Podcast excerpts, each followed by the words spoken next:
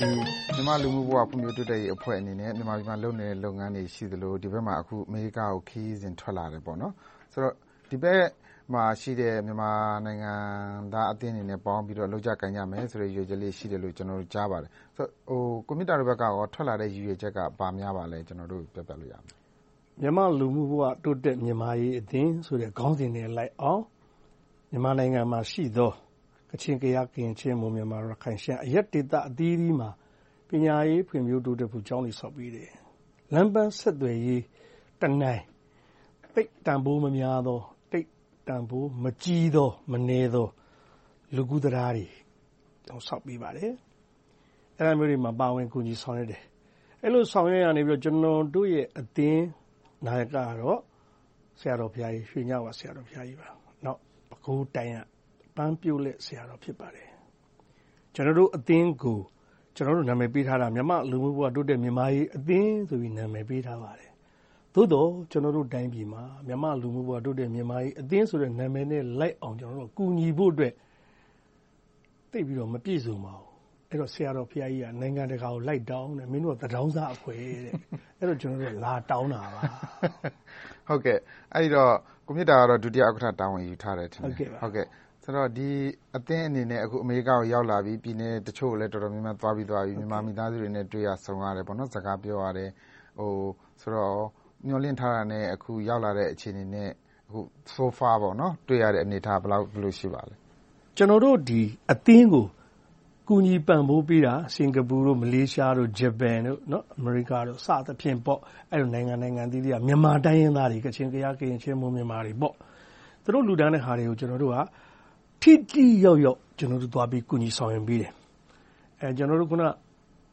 ဘာတွေလုပ်ပေးခဲ့လဲဆိုရင်ကျနော်တို့ကိုယ်တိုင်လမ်းပန်းဆက်သွယ်ရေးခက်တဲ့ရခိုင်ဘောင်းဝစာသင်ကျောင်းလေးသွားဆောက်ပေးတယ်။ကိုယ်တိုင်သွားတယ်။အဲဒီအချိန်မှာကျောင်းဆောက်ပေးဖို့အတွက်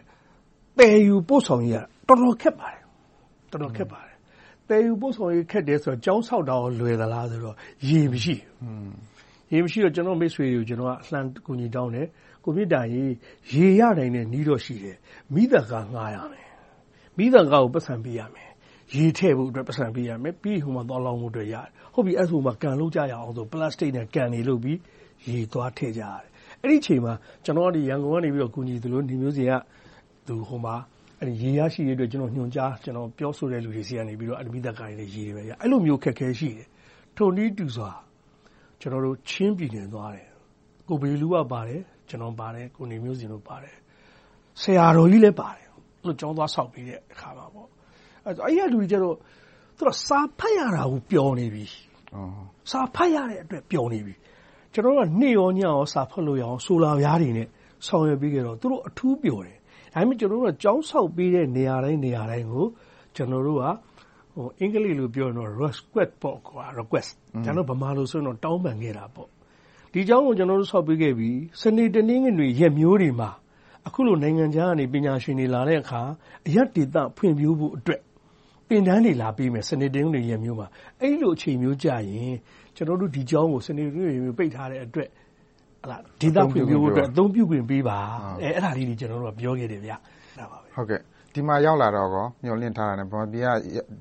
အမေရိကကို ရောက်မလာခင် မျှော်လင့်ထားတာနဲ့ ဒီမှာ တကယ့်တကယ် လက်တွေ့ရောက်လာတော့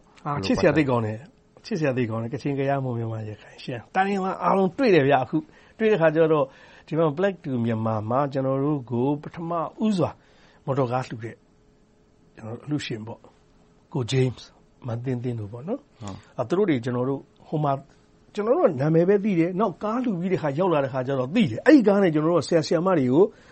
ကျောင်းကိုပို့ပေးတဲ့အချိန်မှာသူတို့ကိုယ်တိုင်ရောက်လာပြီးဆရာမတွေစီးတာတွေ့သူတို့ပီတိဖြစ်တော့ဆရာမတွေကိုဗမာငွေတစ်ယောက်ကိုနှစ်သောင်းစီချီးမြှင့်တယ်။ဆရာမတွေကလည်းပျော်လို့။ကိုယ့်အလှူကချက်ချင်း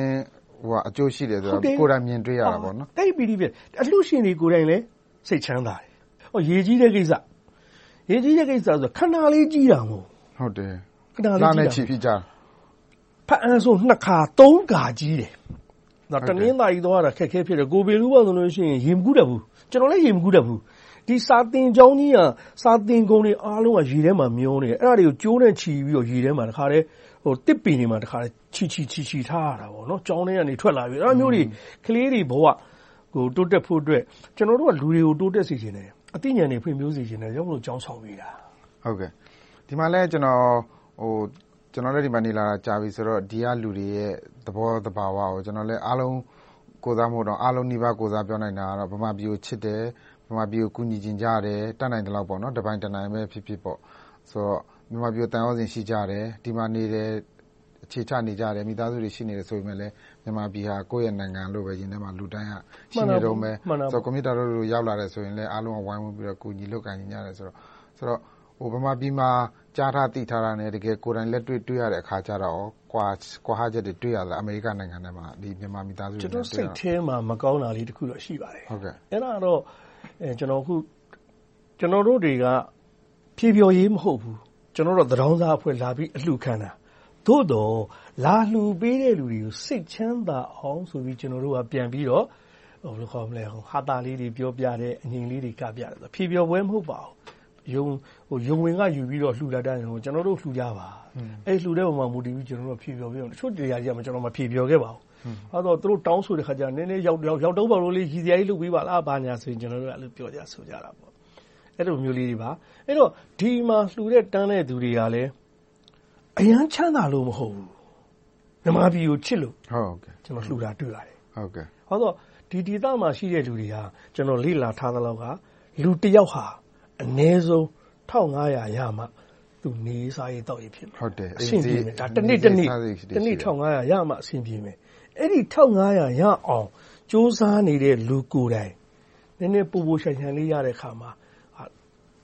50 100လာပြီးတော့သူတို့လှူကြတန်းကြတယ်အဲ့ဒါမြန်မာပြည်ကိုချစ်လို့ပါဆိုတာကိုတက်တည်ပြလို့ရပါတယ်တက်တည်လို့ပဲပြောလို့ရပါတယ်ဟုတ်ကဲ့ကွန်ပျူတာလို့ဆိုရင်တစ်ချိန်တုန်းကဒါ စစ်သောလက်ထက်မှာဆိုရင် ကာလအကြာကြီး အပိတ်ခံခဲ့ရတယ်လေဘာမှလုပ်ခွင့် ပြောခွင့်ဆိုခွင့်အမှုပညာလုပ်ငန်းတွေ ဘာမှလုပ်ခွင့် မရှိခဲ့ဘူး အဲ့လို နေခဲ့ရတဲ့ဘဝကို ဘယ်လို ဖြတ်တန်းခဲ့သလဲဟိုလူတယောက်က တော်တော်လေး depression ဝင်သွားနိုင်တဲ့ အနေအထား ရှိတာကိုနော်ဘာမှ ဘဝရည်တည်ရဲ့အစာလုံးဝ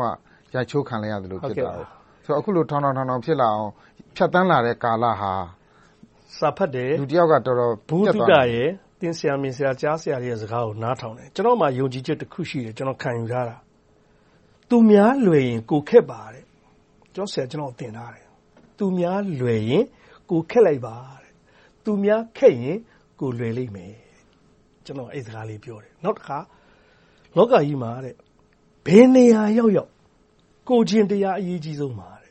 ကိုချင်းတရားကောင်းပါတဲ့နောက်တစ်ခါကိုချင်းစာတရားရှိပါတဲ့အဲ့တော့ကျွန်တော်ကိုချင်းစာတရားရဲ့ကိုချင်းတရားရဲ့ထိန်းတယ်နောက်သူများခက်ရင်ကျွန်တော်လွယ်တယ်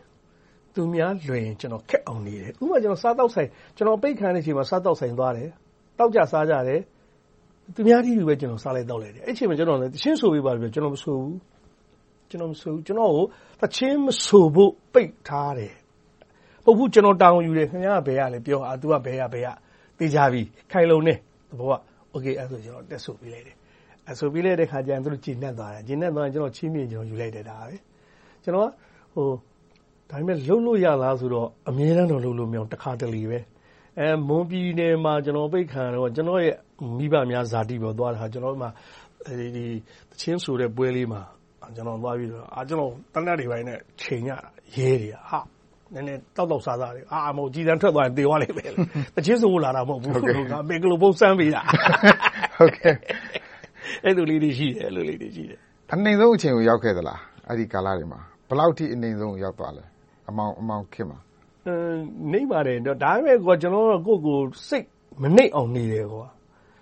လူနှိပ်နေမယ်စိတ်မနှိပ်ဘူးဆိုတာကို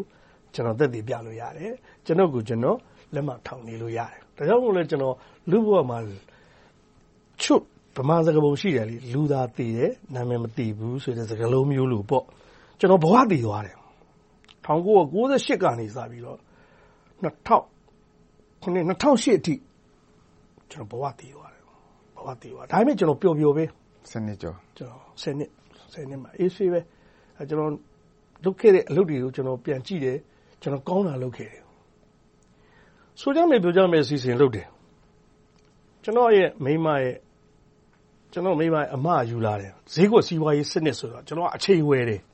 မရောဘူးဒီစီစဉ်လေးကိုလုပ်ပေးပါလို့ပြောတယ်အဲသူတို့ဒီစီစဉ်သဘောကျပြီးတော့ ကျွန်တော်လုပ်ပေးလိုက်တယ်တောက်လျှောက်လုပ်လာပြီ96ကလုပ်လာတယ်98လဲကြက်လဲကြက်ရောဒီစကလုံးတစ်လုံးကြောင့်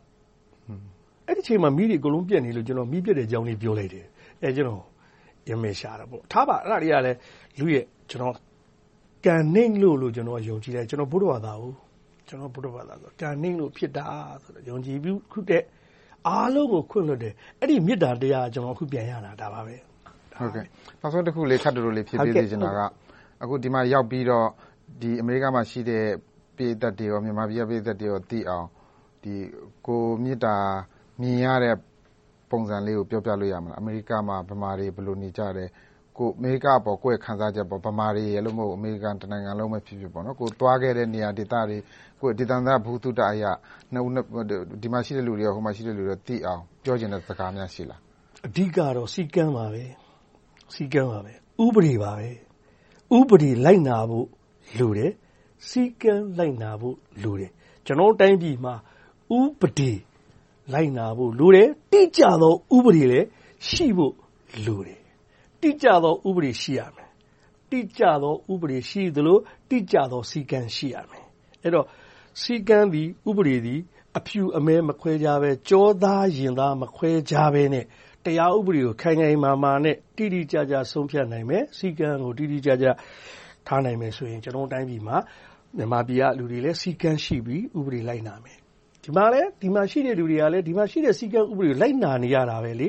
မလိုက်နာရင် လာထားပဲသူကအဲ့တော့ တကယ်တမ်းကျတော့ တိုင်းပြည်ကို ထူထောင်တဲ့နေရာမှာ တိကျသော ဥပဒေ တိကျသောစီကံတိကျသော အုပ်ချုပ်ရေးမှုရန်တရားတွေနဲ့ ဆောင်ရွက်မယ်ဆိုရင် နိုင်ငံတိုင်းနိုင်ငံတိုင်းဟာတိုးတက်မယ်ဆိုတာကိုကျွန်တော်လက်ခံပါတယ်ကျွန်တော်တိုင်းပြည်လူတွေကိုလည်းစီကံရှိစေချင်ပါတယ်ဥပဒေလည်းတိကျသောဥပဒေလည်းရှိစေချင်ပါတယ်ဟုတ်ကဲ့ကျေးဇူးတင်ပါတယ်ဟုတ်ကဲ့